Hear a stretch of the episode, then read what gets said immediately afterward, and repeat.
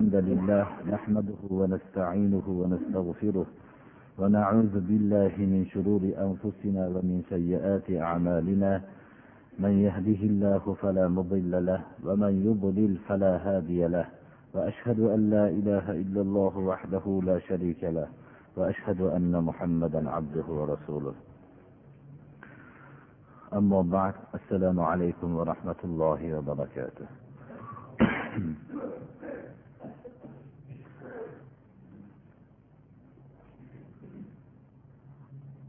rasululloh sollallohu alayhi vasallam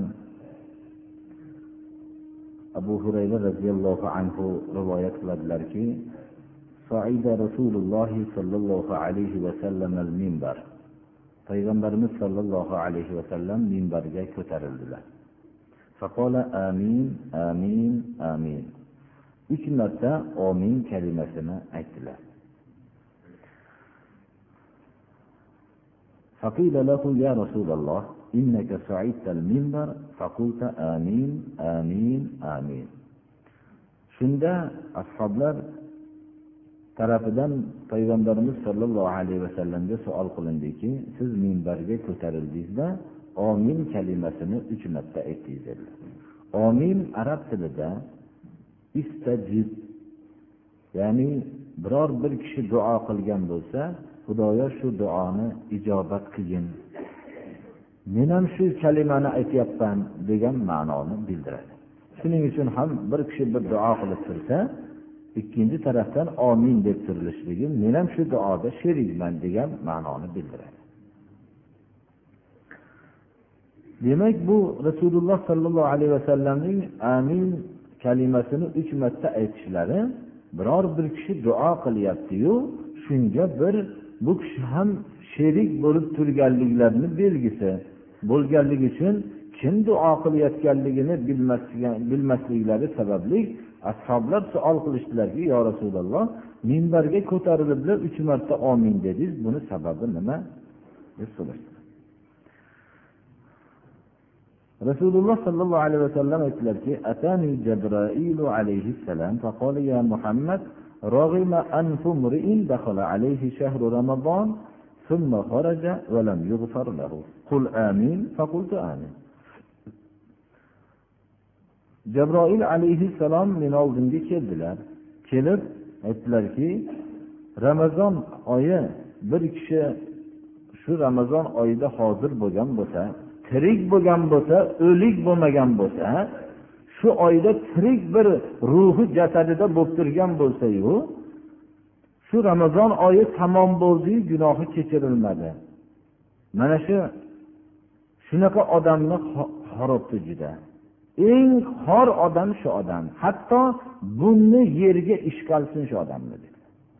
Ya'ni bunni yerga ishqalinishligidan kinoya qo'lingizni yerga ishqasangiz ham bu ham bir xorlik. Oyog'ingizu tegib turadi. Bir yelkangizni yerga ishqab qo'ysa ham bu ham xorlik ya'ni mag'lub bo'lganligingizni belgisi. Kurash qoidasida ham yelkasini bir yerga tekkizishlik bilan mag'lub bo'lib xor bo'ldi endi bu yengildi endi burnini yerga ishqalsa u kishining xorligini endi aytib bo'lmaydi. Shunaqa darajada qattiq xor bo'lsin ramazon oyi kirganda tirik bo'lsayu ramazon oyi tamom bo'lgani gunohi kechirilmagan dedi. Ya'ni ramazon oyini tutgan bo'lganda shariatga muvofiq qilib tutgan bo'lganda gunohdan toza bo'lib chiqardi.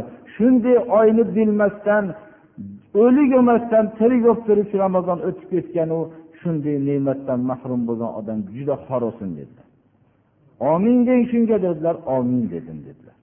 Birinchi ominning sababi shu dedilar. ثم قال رغم أنف امرئ أدرك أبويه أو أحدهما فلم يدخلاه الجنة ota onasi hayotu yo bittalari hayot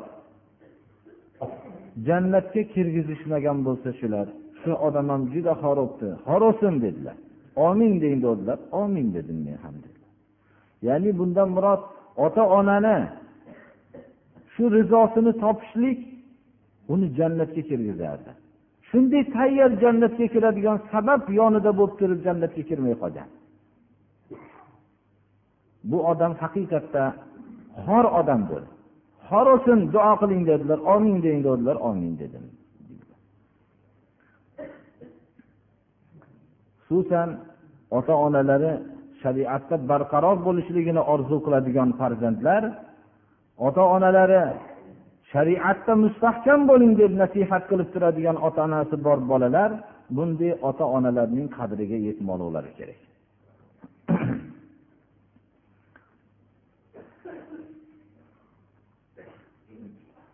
ثم قال رغم أنف امرئ ذكرت عنده فلم يصل عليك قل آمين فقلت آمين sizni nomingiz oldida zikr qilingan bo'lsayu sizga salovat aytmagan bo'lsa. Bu ham juda xor bo'lsin ya'ni rasululloh sollallohu alayhi vasallamning nomlari zikr qilinganda salovat aytilinsa bir marta payg'ambarimiz sollallohu alayhi vasallamning eslasa bu kishini nomlarini eshitganda ollohning rahmati va salomi bo'lsin desa alloh subhanahu va taolo unga o'n marta ollohni rahmatiyu salomi senga bo'lsin deb turadi.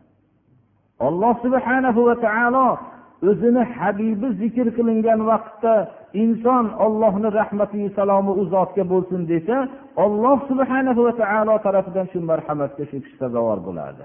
Shunday katta marhamatdan mahrum bo'lib qolganligiga juda xorosin bu. Eng xor odam haqiqatda. Biror bir joyda kishi bir kishini bir marta bir hurmatliroq odam eslab qolsa meni eslabdi deb qancha quvonadi odam? Alloh subhanahu va taolo bizni eslashligi uchun rasuli zikr qilingan vaqtda u kishiga salovat aytadigan bo'lsak bunga banda mo'min odam juda quvonishi kerakda bu narsadan mahrum bo'lganligi uchun juda ham xor odam menman deyishligi kerak. U banda kim o'zi? Xususan hech qanday islomda yo'q odamlar biror bir martabali bo'lsa bir yod qilib o'tsa qancha quvonib yuradi. Alloh subhanahu va taolo tarafidan eslanishligi bu juda katta mo'minga ne'matdir. Ubay ibn kab mana ashoblar bulardan bu kishi juda shayxul qurro bu ne'matlarni ashoblar bilishganlar.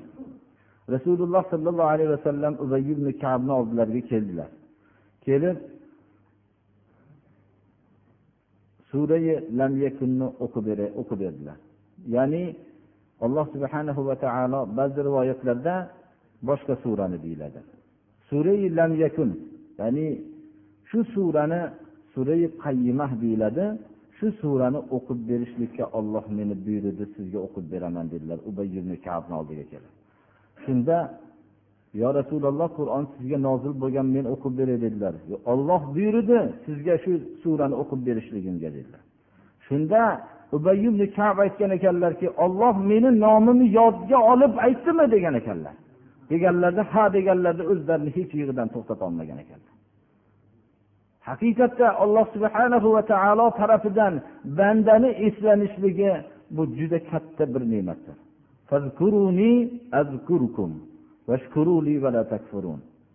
Meni yodinglarga olinglar deydi alloh subhanahu va taolo. Men ham sizlarni yodimga olaman deydi.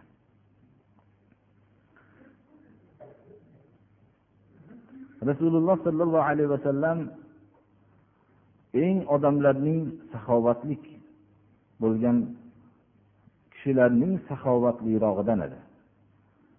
U kishining saxovatlari ramazonda eng qattiq bir jo'sh urardi. Bo'lib ham jibril alayhissalom u kishiga ro'baru bo'lganlarida qur'on bilan mudorasa qilib qur'on bir birlariga o'rgatishganlarida jibril alayhissalom qur'on darsini berib ketganlaridan keyin rasululloh sollallohu alayhi vasallam bor bisotidek narsani berib oladigan bir tabiatga o'tib qolar ekanlar. U vaqtda rasululloh sollallohu alayhi vasallamdan shamol ham orqada qolardiki yaxshilikka shoshilishliklarida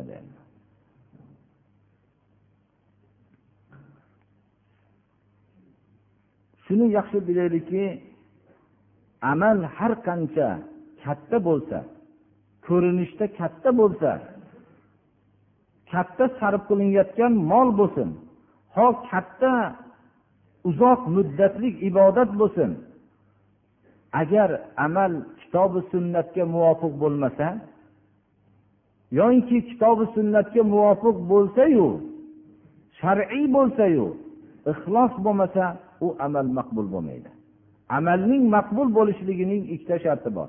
Bittasi alloh subhanahu va taoloning yuborgan kitobiga rasululloh sollallohu alayhi vasallamning sunnatlariga muvofiq bo'lishligi kerak. Shu muvofiq bo'lgandan keyin ikkinchisi ixlos ya'ni faqat alloh subhanahu va taoloning rizosi maqsad qilingan bo'lishligi kerak. Bo'lmasam ikkovi sifat topilmagan amal habata bo'ladi. Agar bir kishi shariatdagi amalni qilyaptiyu odamlar ko'rishligi uchun riyo uchun qilayotgan bo'lsa bu ham amal habata bo'ladi. Agar bir odam ixlos bilan kechasi bilan men faqat shu amalim bilan ollohni rizosini maqsad qilyapman deyaptiyu shariatda u yo'q narsa o'zi mana bu narsa bu ham habata bo'ladi. Shariatning tub mag'zi mana shu yerga joylashgandir birodarlar. Ammo amal kichkina bo'lsayu u sunnatga muvofiq bo'lsa ixlos buning ostida zamirida joylashgan bo'lsa bu amal katta amal hisoblanadi. Abu said hudriy roziyallohu anhudan rivoyat qilinadiki rasululloh sollallohu alayhi vasallam aytdilarki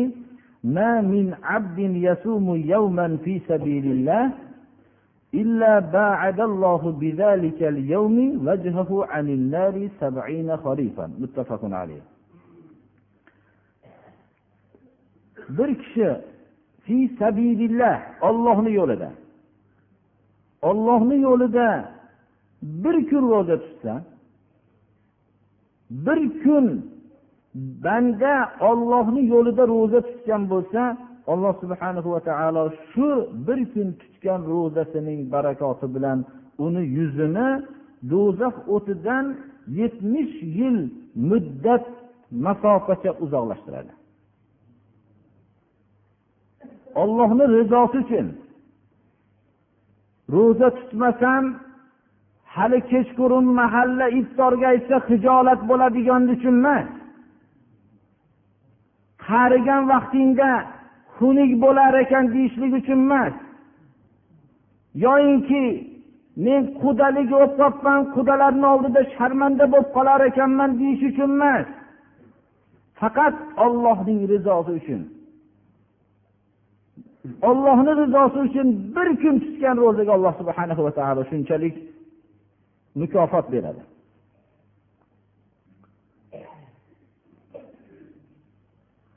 Biz mana shunday oyda turibmiz birodarlar. Alloh subhanahu va taologa ming hamdlar bo'lsinki shu oyni biladigan kishilardan qilib qo'yibdi.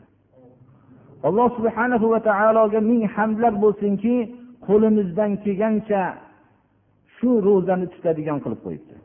Endi shu amalni biz ollohni rizosi uchun. Xudoyo bu ro'zani faqat sen buyurganing uchun tutyapman deylik sen shu oyda ro'za tutishlikni farz qilsan. Kim shu ro'zani tutgan bo'lsa gunohlarni mag'firat qilaman debsan shuning uchun tutyapman deylik har bir harakatimizni biror bir bozordan bir savdo qilayotganimizda xudoyo shuni ro'zani farzligida iftorga farzandlarim o'zini farzni biladigan qilib qo'yganligiga o'zing bilan o'zingni roziligingni topishlik uchun shu yerga keldim deb niyat qilaylik. Har bir amalda ollohni rizosini maqsad qilaylik. Ana shunda amalimiz agarchi kichkina bo'lsa ham katta amallar hisobidan bo'ladi. Biz avvalgi darslarimizda ko'p yodlaganmiz. Yana bir qisqa takror qilaman. Ollohni yo'lida ya'ni eng katta amallardan bittasi qur'onni bilib yurishlik. Qur'onni yodlashlik qur'onni bilishlik ollohni yo'lida jihod qilishlik ollohni yo'lida sadaqotlar berishlik. Lekin shu amal shu amallarni agar ko'rinishda bir kishi qur'onni yodladi qur'onni bildi bir odam ko'p sadoqotlar berdi shariat buyurgan joylarga berdi va ollohni yo'lida jihod qildi. Hamma imkoniyatini ollohni yo'lida. Ya'ni jihod ma'nosini o'zini shaklladiyu lekin jihod qiluvchi odamlar meni qahramon desin dedi. Sadaqot berayotgan odamlar meni ikkinchi xotam desin dedi. Qur'onni yodlab bilgan kishi odamlar meni qur'onni biladi desin qur'onni masalan yodlagan desin bir odamlar bu ovozi bunday ekan desin deb odamlarning faqat odamlar uchun qilgan bo'lsa alloh subhana va taolo uchovini do'zax darvozasini oldiga qo'yib do'zaxga uloqtirgan va uloqtirishlikdan ilgari ollohga yolborib xudoyo o'zingni kalomingni biluvdim men kalomingni yod qiluvdimku desa sen odamlar uchun qilgan eding qur'onni sotish uchun sen shuni o'rgangan eding deb shunday desa odamlardan sen bu mukofotingni olgansan seni ho'p odamlar maqtagan qur'onni ham sotib olgansan desa shunda endi sen maqsadingni dunyoda o'zingni qilgan maqsadingga yarasha olgansan deb do'zaxga uloqtiradi. Sadaqotlar bergan kishini sen xotam deb odamlarni oldida sahiy falonchi shunday desin deb qilgansan odamlar seni xo'p shunday deyishgan deb mukofotingni dunyoda olgansan deb. Do'zaxga uloqtiradi odamlar qahramon deb shu narsani qilgansan jihod qilgansan deb uni ham do'zaxga uloqtiradi agar shu uchta katta amal ollohni rizosi uchun bo'lmasa do'zaxga kirishlikka sabab bo'ladigan bo'lsa boshqa amallarda nima gumonimiz bor? Ammo bir amal ollohni rizosi uchun bo'lsa o'zi kichkina bo'lsa ham alloh subhanahu va taoloning huzurida bu katta bir amaldir. Haqiqatda ham adolat shuki bir kishi bir amalni kim uchun qilsa mukofotini shundan olishlik kerak. Alloh subhana va taolo tutayotgan ro'zamizni faqat o'zini rizosi uchun bo'lishligiga hammamizga alloh subhana va taolo tavfiq bersin.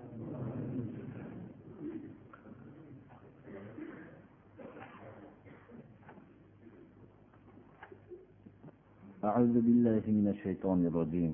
ولو أن أهل الكتاب آمنوا واتقوا لكفرنا عنهم سيئاتهم ولأدخلناهم جنات النعيم. ولو أنهم أقاموا التوراة والإنجيل وما أنزل إليهم من ربهم لأكلوا من فوقهم ومن تحت أرجلهم. منهم أمة مقتصدة وكثير منهم ساء ما يعملون. qur'oni karimdan davom ettirayotgan darsimizda mana bu oyatga kelgan edik alloh subhanahu va taolo ahli kitoblarning xor bo'lishlarining sababini bayon qilib ular o'zlaridagi ahdni buzganliklari sababli xor bo'lganligini bayon qilib shu bilan birga musulmonlarni ogohlantiradiki o'zlari bilan alloh subhanahu va taolo o'rtasidagi ahdni buzishlikdan ogohlantirib qo'yadi. Agar ahli kitoblar iymon keltirishgan bo'lganda taqvo qilishganda biz ularning o'tgan xatolarini kechirgan bo'lardik va ularning jannoti naim ne'matlar bilan to'liq bo'lgan jannatlarga bitta jannatga emas ne'matlar bilan to'liq bo'lgan jannatlarga kirgizgan bo'lardik. Agar ular tavrot injilni barpo qilishganda tavrotdagi hukmlarning hayotlarida tiklashganda va ularga robbilari tarafidan tushirilgan qur'oni karimni barpo qilib hayotda ko'rsatishganda ular bunday xorlikka giriftor bo'lishmasdi balki ular tepa taraflaridan ham oyoqlarini ostidan ham ya'ni hamma tarafdan ularga rizq kelib rizqlarni yeyishgan bo'lishardi. Ularni ichida iqtisoddagi ya'ni ollohni buyrug'ini bajaruvchi ummat ba'zi bir jamoalar yo'q emas bor. Lekin ularning ko'pchiliklari ular qilgan ish nihoyatda yomon ishlardir. Mana avvalgi darsimizda harom yeyish butun odamlarning munkar narsalarga buyurishlik ma'ruf narsalardan qaytarishlik va ularning olimlari bunday amallardan qaytarmasliklari mana bu narsalari malun bo'lishliklariga sabab bo'lgan edi.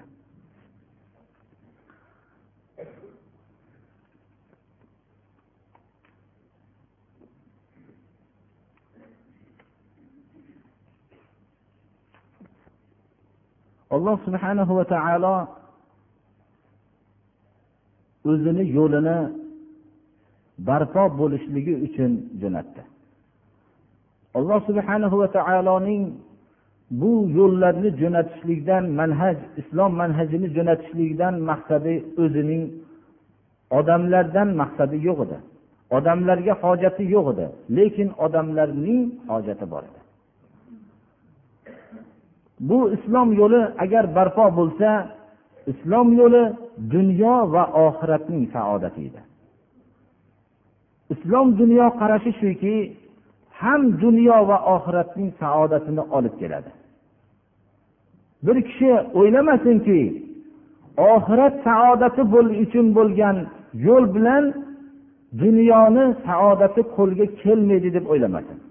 Dunyoni saodati qo'lga keladigan yo'l bilan oxiratning saodati qo'lga kelmaydi deb o'ylamasin ya'ni dunyo va oxiratning saodati uchun islom yo'li kelgandir.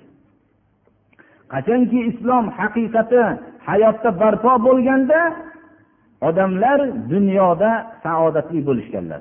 Inshaalloh bular oxiratda ham saodatli kishilardir. Ashoblar mana tamomiy bu narsaning tirik bir timsoli bo'lishadilarki xususan xulafolar davrida rasululloh sollallohu alayhi vasallamning yo'llarini davom ettirgan kishilarning xulafolarning davrida dunyo saodatlarining qanday qo'lga kelganligini biz mana tarixdan o'rganganmiz.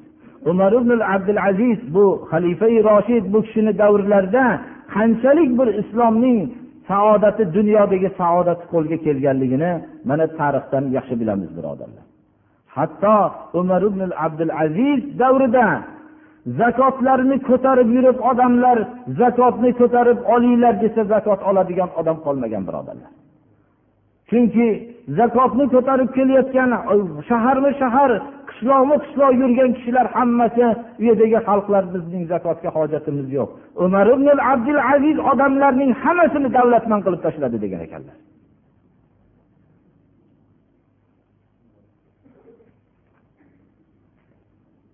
Mana bu narsani dunyo saodatining qo'lga kelganligini biz yana undan tashqari faqat dunyoni molni qo'lga kelishligi deb o'ylab qolmasligimiz kerak. To'g'ri molsiz iqtisodsiz hayot davom etmaydi lekin faqat iqtisod bilan ham hayot davom etmaydi. Hayotining hammasini iqtisodga bog'lagan butun olamdagi mamlakatlar hammasi kun sayin vayron bo'lyapti. Bir tomondan iqtisodning juda katta bir narsasi qo'lga kelgani bilan insonning ahvoliga qaralsa ular bir och bir to'ymas bir holatdagi kishilar bo'lib qolyapti. Biz hayotning taraqqiyotini faqat iqtisodning yuksalishligi deb o'ylab qolmasligimiz kerak. Yana takror aytamiz hayotning yuksalishligi uchun iqtisodsiz hech qachon yuksalmaydi lekin iqtisodning faqat o'z o'ziga chegaralashlik ham mutlaqo xatodir. Chunki taraqqiyot o'lchovi inson bo'lishligi kerak inson rivojlanishligi kerak. Alloh subhana va taolo mana bu joyda rizqning vasi bo'lishligining yagona sababi iymon bilan taqvo deyapti. Agar xalqlar iymon bilan taqvo sifatini qo'lga keltirishsalar ularning o'rtasida hamma narsa vujudga keladi. Ular o'ylashayotgan iqtisod ham shunda vujudga keladi. Birinchi taqsimlardagi adolat bo'ladi. Hammaning o'rtasida insof vujudga keladi. Odamlarning iqtisodiy aloqalaridagi insof vujudga keladi. Odamlarning iqtisodiy aloqalarida bir birlariga isor boshqalarning manfaatini o'ylashlik vujudga keladi. Chunki ularning qalblarida iymon bilan taqvo iqtisoddan ilgari o'rnashib bo'lgan bo'ladi. Ammo iymon bilan taqvoning o'rniga iqtisod o'rnashadigan bo'lsa unda o'rmondagi hayvon yirtqich hayvonlar ham hijolat bo'ladigan ishlar bu insonlardan sodir bo'laveradi. Shuning uchun islom birinchi o'zining mamlakatini mo'minning qalbida o'rnatishlikka harakat qildi. Mo'minning qalbida iymon va taqvoni hokim qildi. Iymon bilan taqvo mo'minning hamma jasadiga hokimlik qilgandan keyin bu mo'min bir ajoyib bir insonga aylandi. U odamlarning ko'zida ko'rinib yuradigan bir ajoyib bir insonga aylangandan keyin odamlar undan islomni ko'rishdi. Ashoblarning iymon bilan taqvo ularning qalbiga kirgandan keyin ularning tamomiy vujudlari o'zgarib ketgan edi. Mana bu oyat birodarlar agar iymon bilan taqvo qilishgan bo'lganda ahli kitoblar ular hamma taraflaridan rizq yeyishgan bo'lardi. Abu zar al g'iforiy roziyallohu anhu payg'ambarimiz sollallohu alayhi vasallamdan rivoyat qiladilarki payg'ambarimiz sollallohu alayhi vasallam rob taolodan rivoyat qilgan hadisi qudusiyda shunday deydilar. Alloh subhanahu va taolo aytadiki يا عبادي إني حرمت الظلم على نفسي وجعلته بينكم محرما فلا تظالموا. يا عبادي كلكم ضال إلا من هديته فاستهدوني أهدكم يا عبادي كلكم جائع إلا من أطعمته فاستطعموني أطعمكم. يا عبادي كلكم عار إلا من كسوته فاستكسوني أكسكم. يا عبادي إنكم تخطئون بالليل والنهار وأنا أغفر الذنوب جميعا فاستغفروني أغفر لكم ey bandalarim deydi alloh taolo men zulmni o'zimga ham harom qildim biror bir insonga men zulm qilmayman biror hayvonga biror jonzotga zulm qilmayman alloh subhana va taoloning manhaji adolatlik manhaj sizlarning o'rtanglarda harom qildim bu zulmni bir biringlarga zulm qilmanglar. Ey bandalarim hammanglar adashgansizlar magar men hidoyat qilgan kishigina adashmagan. Ya'ni ollohning yo'li bilan hidoyatlangan kishigina to'g'ri yo'lda ketyapman deyishligi kerak. Ollohning yo'lida yurmagan kishi mutlaqo hidoyatli kishi emas. U adashgan kishi. Havosi bilan ketayotgan kishi adashgan kishi. O'zining ko'rgan narsasi bilan ketayotgan kishi adashgan kishi hammanglar adashgansizlar magar mening yo'lim bilan men hidoyat qilgan kishigina to'g'ri yo'lda deyapti alloh subhana va taolo. Shuning uchun hidoyatni mendan so'ranglar. Men yuborgan yo'ldan so'ranglar. Men yuborgan yo'ldan talab qilinglar deydi alloh taolo. Ey bandalarim hammanglar ochsizlar. Magar men yedirgan bo'lsam shu odam top haqiqatda alloh subhanahu va taoloning yo'li bilangina taomlangan kishigina to'qdir birodarlar. Chunki u qalbi juda xotirjam ollohning huzuriga faqat halol yeb ketayotganligini o'zi his qiladi. U hech qanday xorlikni his qilmaydi. U hatto uning o'zini hayotidagi yeyotgan taominida shubhasi bo'lmagan odamdaqa to'q odam dunyoda bo'lmaydi. Buning yaqqol misolini ko'raylikki million million pullarga qodir bo'lgan odamlarning tekshirib ko'rsangiz ular zaif insonlarning qonidan vujudga kelgan mollarni tortib yeyapti ochligidan. Kambag'allarning molini so'rib yeyapti shularki ular haqiqatda alloh subhana va taoloning yo'li bilan taomlanmagan kishilar ular och insonlar. Hatto ular eng och bo'lib yurgan bechora odamlarga ham rahmsizlik bilan shularning mollarini yemasa hech qachon qoniqmaydi. Chunki ularning oshqozoni halol narsani ko'rsa hayron bo'ladigan bo'lib qolgan. Alloh subhanahu va taolo taomni mendan talab qilinglar deydi. Men sizlarni yediraman ollohning ko'rsatmasi bilan yegan odamlar haqiqatda to'q odamlar.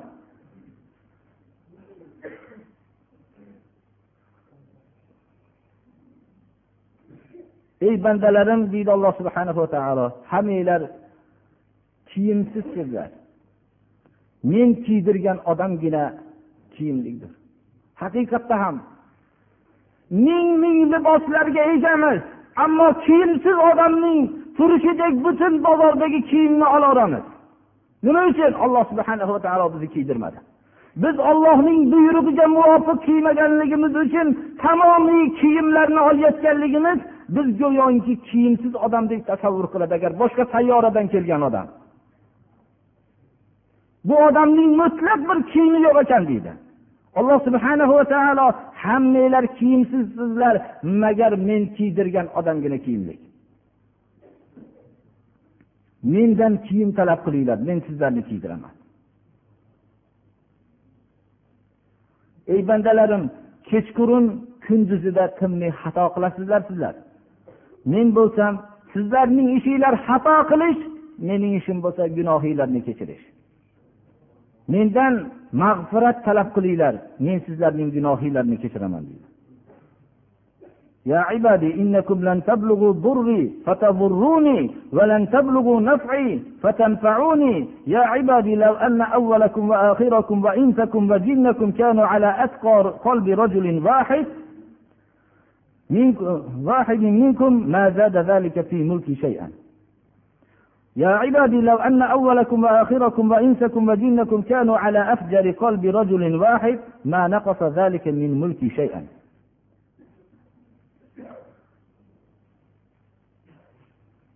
Alloh subhanahu va taolo ey bandalarim deb nido qiladiki sizlarning avvalgiyu oxirgilar ya'ni tamomiy bashariyat odam alayhissalomdan tortib to qiyomatgacha bo'lgan kelajakdagi bashariyatning hammasi insonlaru jinlar hammasi eng taqvolik kishining suratida bo'lsa bu narsa eng taqvolik amallarni qilsa bu amallar meni mulkimga bir narsani ko'paytirib qo'ymaydi.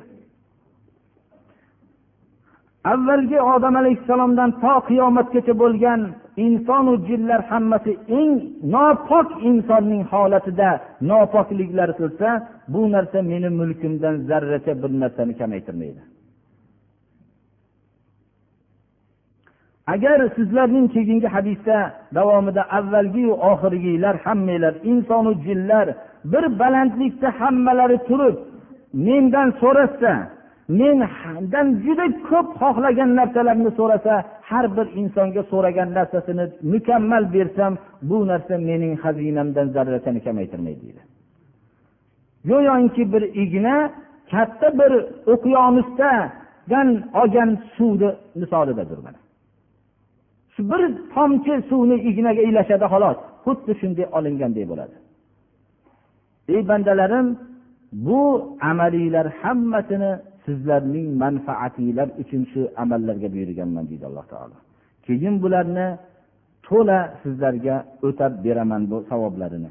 Kim bir yaxshilikni topgan bo'lsa qilib o'zi allohga hamd aytsin allohga hamdlar bo'lsinki meni shunga muvaffaq qildi deb bundan boshqa ya'ni yaxshilik qilmay gunoh ish qilgan bo'lsa faqat o'zini malomat qilsin. Imom muslim rivoyatlari. Mana bu hadisdan biz o'zimizga xulosa qilishimiz kerakki demak alloh subhana va taolo bizga buyurgan yo'l faqat bizning manfaatimiz uchun.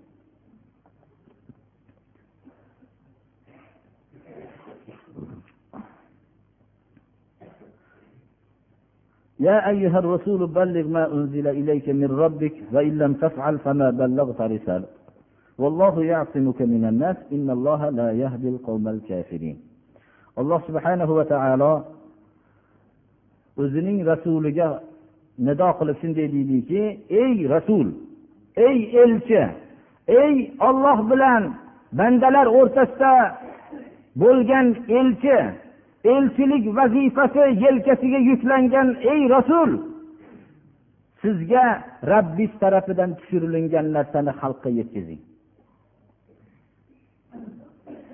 Agar bu risolatni yetkazmasangiz alloh subhanahu va taoloning sizga bergan katta ne'mati bo'lgan risolatni yetkazmagan bo'lasiz. Bu ishni qilmasangiz risolatni yetkazmagan bo'lasiz. Risolatni yetkazishlik alloh subhanahu va taolo o'zining ilmi azaliysi bilan bo'ldi oson emasligini birinchi nozil bo'lgan sura iqro bo'lsa aksar mufassirlarning fikri bilan ikkinchi nozil bo'lgan sura surai muzzammildir. Alloh subhana va taolo birinchi rasulini kechaning yarmi yoinki kechaning yarmidan ko'proq qismida kechaning yarmidan yo ozroq qismida bedor bo'lib alloh subhana va taolo tarafidan nozil qilinadigan qur'onni tilovat qilib allohga yolg'iz holatda sig'inishlikka buyurdi. Hozirlik ko'rishlikka buyurdi. O'zida ruhoniyatni kuchaytirishlikka buyurdiki sababini bayon qilishlikda sizga biz og'ir bir yukni yaqinda yelkangizga tushiramiz dedi. Bu yuk risolat yuki bu yukni yetkazgan vaqtda tinch turgan hamma nohaqlik hukm surgan vaqtda birodarlar hayotda tinchlik bo'laveradi. Tinch totuv yuraveradi.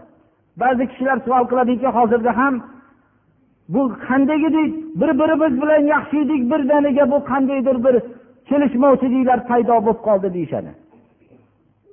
Haq vujudga kelganda botil bilan haq o'rtasida kurash paydo bo'ladi. Hech qachon haq botil bilan chiqisholmaydi botil ham haqniga hech ham rozi bo'lmaydi. Ahli botil u botilning ham egalari bor haqning ham egalari bor. Mana bu narsada alloh subhanahu va taolo bildiki bu risolat vazifasini o'tayotgan vaqtda rasululloh sollallohu alayhi vasallamga qarshiliklar ko'p bo'lishligini hatto buni mana tarixdan bilamiz u kishini butun dushmanlarning hayoli bir qatl qilib bir rohatlanish bo'ldi. Dunyoda qatl qilinishlikka yaraydigan odam muhammad alayhissalomdan boshqa odam qolmadi hattoki makka mushriklariga o'nta tuyani va'da qilindi. Kim shu kishini qatl qilsa dedi. Butun olamning rahmati bo'lgan odamdan o'nta tuya afzal bo'ldi. Odamlar shu o'nta tuyani olishlik uchun shu kishini kechasiyu kunduzi poylab shuni qatl qilishlikka harakat qildi. Rasululloh sollallohu alayhi vasallamning qo'riqlab yurilardi. Muhammad ibn maslama asosiy qo'riqchilari edi. Mana bu oyat nozil bo'lganda olloh sizni odamlardan saqlaydi ollohning risolasini qo'rqmasdan yetkazing degan oyat nozil bo'lganda boringlar olloh o'zining himoyasiga oldi meni meni yonimda hech kim bo'lmasin dedilar. Yigirma uch yil dushmanlar orasida makr hiylalarning tarixda bunaqa makr hiyla o'tgan emas. Shunday makr hiylalar bilan tamomiy dushmanlar yahudlar nasorolar mushriklar kofirlar murtadlar hammasi rasululloh sollallohu alayhi vasallamni qatl qilishlikka harakat qildi. Mollarini hammasini sarf qildi. Lekin alloh subhanahu va taolo o'zining kafolatiga oldi. Olloh sizni odamlardan saqlaydi dedi. Olloh yigirma uch yil muddat hayotida bu kishiga saqladi. Alloh subhanahu va taolo kofirlarni hidoyat qilmaydi. Rasululloh sollallohu alayhi vasallam o'zlaridan kelayotgan o'zlariga nozil bo'layotgan vahiyga shunchalik ishonardilar. Shu kundan boshlab yonlarida birov bo'lmadi. Hatto rasululloh sollallohu alayhi vasallamning tarixlarida eng dahshatli soatlar bo'ldi. G'azotdan kelayotgan vaqtlarda hamma ashoblar qattiq bir charchaganliklari uchun istirohatga ruxsat so'rashdi. Rozi bo'lmasalar ham ruxsat berdilar. Hammalari istirohat bilan har kim o'z xohishiga soyalarga borib dam olib payg'ambarimiz sollallohu alayhi vasallam ham odat sharifalariga binoan yolg'iz qolgan hech yonlarida hech kim bo'lmasdi yolg'iz o'zlari bir daraxtning tagida dam olib turardi. Shunda mushriklardan bittasi ko'rdiki butun hayotida orzu qilib turgan holat ro'barasida turibdi. Payg'ambarimiz sollallohu alayhi vasallamning atroflarida hech kim yo'q uxlayaptilar. Qilichini shunday sug'urib turgan vaqtda payg'ambarimiz sollallohu alayhi vasallam uyg'ondilar.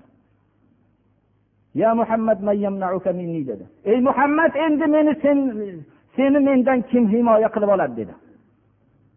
Payg'ambarimiz sollallohu alayhi vasallamning biror bir a'zolari harakatlangani yo'q biror bir tanalarida qo'rquv paydo bo'lgani yo'q olloh meni himoya qiladi dedilar. U kishi mana bu nozil bo'lgan oyatga shunchalik ishonardilar.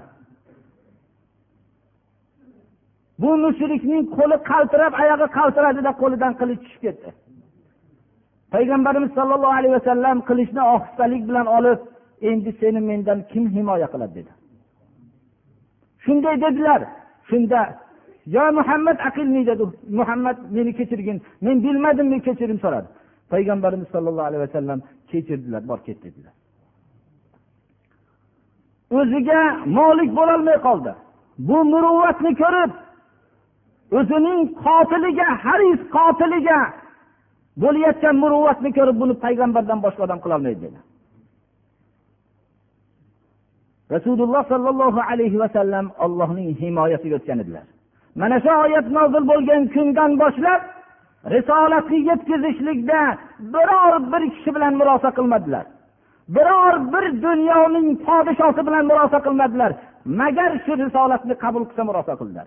Shu risolatni qabul qilgan kishining yerini ham kerak qilmadilar. Hamma yerlari mollari mulklarini hammasini o'zlariga dedilar chunki rasululloh sollallohu alayhi vasallamning vazifalari risolat ya'ni olloh tarafidan bo'lgan elchilikni yetkazish edi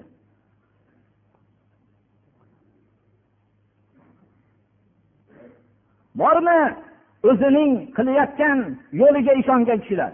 Umar ibn hattob roziyallohu anhu adolat qilganliklari uchun hayotlarining yer kurrasining yarmi qismini xilofat davrida boshqa xalifa bo'lib turgan kishining hech qanday qo'riqchilari yo'q edi. Chunki u kishi hayotlarining to'la adolatga tiklagan edilar.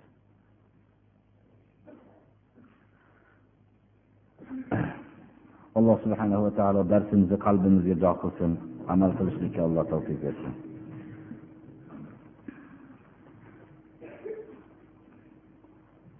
ramazon sharifni mana ikkinchi jumalarini. Fitr bu zakot hammamizga ma'lumki nisobga ega bo'lib bir yil nisob aylangan kishiga zakot lozim bo'ladi. Pulning qadrsizlanganligi sababli bir tekshirib ko'rilsa mana yigirma misqol tilloga zakot berilishlik bu nisobdir mana. Ikki yuz tanga kumush bu kumushdan bo'lgan nisobning o'lchovidir. Tilloni tillo sotiladigan mahzanlardan savol qilinganda o'rta ikki xil savdo bo'lishligi ma'lum bo'ldi. Shundan o'rtachasi bir gramm tilloni besh mingga sotilinishligi bizga shu yerdan ma'lum bo'ldi. Shuni hisob qilinsa sakson sakkiz gramm yigirma misqol bo'lsa to'rt yuz qirq mingga to'g'ri keladi. Shu to'rt yuz qirq ming so'm puli bor odam bir yil shu pul aylanishligi bilan zakot lozim bo'ladi. Shuni eslatib qo'yaylikki bulturgi vaqtdagi pulning qadrli bo'lib turgan vaqtda zakot bergan bo'lsa hozir to'rt yuz qirq mingga qodir bo'lgan bo'lsa bir yil aylandi hisob bo'ladi. U vaqtda meni to'rt yuz qirq ming pulim yo'q ediyu deb o'ylab qolinmasin to'rt yuz qirq ming pulning quvvatidagi puli bor edi uni. Nisobning aylanishligi shart emas fitrning vojib bo'lishligi uchun. Bu fitrni hamma beravermaydi birodarlar. Zakotga bir yil to'la muddat nisobga qodir bo'lgan odam zakot beradi. Bir yilda bir marta nisobga qodir bo'lgan odam fitr beradi. Yana uni soddaroq qilib aytsak bir yil to'la boy bo'lgan odam zakot beradi. Bir yilda bir marta boy bo'lgan odam fitr beradi. Farqini tushunarli bo'lgandir. Unga qodir bo'lmagan odam ya'ni to'rt yuz qirq mingga xususan shu kunlarda qodir bo'lib turgan odam fitr ro'zani berishligi lozim bo'ladi. Shunga fitr berishlikka qodir bo'lgan odamning zakot yeyishligi harom bo'ladi. Zakot yeyishligi mumkin emas. Zakot yeyishlikning mumkin emas bo'lishligi uchun zakot berishlik shart emas balki zakotga bir marta bir yilda nisobga qodir bo'lsa fitr bersa shu bilan u odamning zakot yeyishligi mumkin emas bo'ladi ya'ni yana takror aytamiz bir yilda bir marta boy bo'lgan odam zakot yeyolmaydi zakotning endi fitrning miqdorini so'rashyaptilar. Bug'doyni surishtirilsa mana endi har joyning o'ziga xos bir qiymat narxlari bo'lishligi mumkin. Bir kilo bug'doyni o'ttiz so'mga berilishligi ma'lum bo'lyapti. Ikki kilosi oltmish so'm bo'ladi. Lekin o'zinglar bir o'ylab ko'ringlar shu oltmish so'mni bir miskinga bersa qorni to'yadimi bir kun shu bilan to'yishligi kerak shu miskin. Mayli miskin miskincha ovqatlansa ham oltmish so'm bilan sal to'yishligi qiyin bo'lsa kerak. Mayizga hisoblanganda bir kilo mayizni besh yuz so'mga beriladi. Ikki kilo mayiz beradigan bo'lsa ming so'm bo'ladi. Agar bir kishilar o'ziga davlati tuzuk bo'lgan odamlar taqvo qilishsalar mayizga hisob qilinsa yaxshi bo'lsa kerak biz bu xonadonlarda endi hammamiz eslab turib xususan yaqinlarimizda qo'ni qo'shnilar bo'lsa shuni bersak ularning quvnab yurganligini ko'rib yig'lab biz allohga hamdlar aytishimiz kerakki xudoyo o'zing bergan davlatni mana shu odamlarga men sarf qilyapman deb buni haqiqatlarni ularga alloh taolo bildirsin. Mana bu yerda yana bir ikkita iftor anhodan rivoyat qilinadiki biz kichkina bolalarimizni ham ertaman emizardikda to shomgacha o'yinchoqlar bilan yig'lasa aldab turardikki shu vaqtda hayosiz bo'lib qolmasin deb shu kunduzi sut emizishligimizda ham shuni kechroqqa olib borardik deb oysha onamiz shudagi ayollar haqida rivoyat qiladilar. Men bu bilan aytmoqchi emasmanki go'dak bolalarni ham masalan shunchalik qilinglar demoqchi emasman. Avvaldan biz hayoga o'rgataylik. Hozirgi vaqtda yoshi katta bo'lib yo'llarni bo'yida bu ovqatlanib turgan o'zi hech qanday uzri bo'lmagan kishilarning shu yerda ovqatlanib turganlarning misoli shunga o'xshaydiki ey odamlar bizni ko'rib qo'yinglar bizni mo'min emasligimizni bizni mo'min deb yuruvdinglar bu o'zbekligimizga. Biz mo'minlardan emasmiz biz o'lganda yana janozamizga kelib yurmanglar yana. Biz yana ko'mganda mo'minlarni qabristoniga ko'mmanglar degandan boshqa gap emas u. ollohning farzini shunday poymol qilish shu vaqtda shunaqa qilishligini bu ma'nosi bundan boshqa bo'lishi mumkin emasda alo hammamizni haq yo'lga hidoyat qilsin. Alloh subhana va taolo ramazoni sharifdan gunohlardan pok bo'lib chiqishlikni alloh hammamizga nasib qilsin. Alloh subhanahu va taolo farzandlarimizni solih solihalardan qilsin. O'tgan ajdodlarimizga alloh subhanahu va taolo rahmat qilsin. O'tgan ajdodlarga mana ko'pchilik birodarlar xizmat qilolmaganlarimiz ko'p mana. Alloh taolo bizlardan rozi qilsin gunohlarni mag'firat qilsin qabrlarini jannat bog'chalaridan bir bog'chaga aylantirsin. Alaykum va rahmatullohi va barakatuh. Va taolodan taqvo qilinglar. Alloh subhanahu va taolo oxiratdagi hamma katta darajotlarni olimlarga demadi. Yoyinki faqat sadaqot berganlarga demadi. Yoyinki qorilarga demadi. Yoyinki boshqa bir jismoniy quvvatdagi kishilarga demadi. Faqat ollohdan qo'rqqan kishilarga dedi. Alloh subhanahu va taologa hamdlar bo'lsinki shu oyni biladigan kishilardan qilib qo'yibdi. Abu hurayra roziyallohu anhudan rivoyat qilinadiki payg'ambarimiz sollallohu alayhi vasallam minbarga ko'tarildilar صعد رسول الله صلى الله عليه وسلم المنبر فقال آمين آمين آمين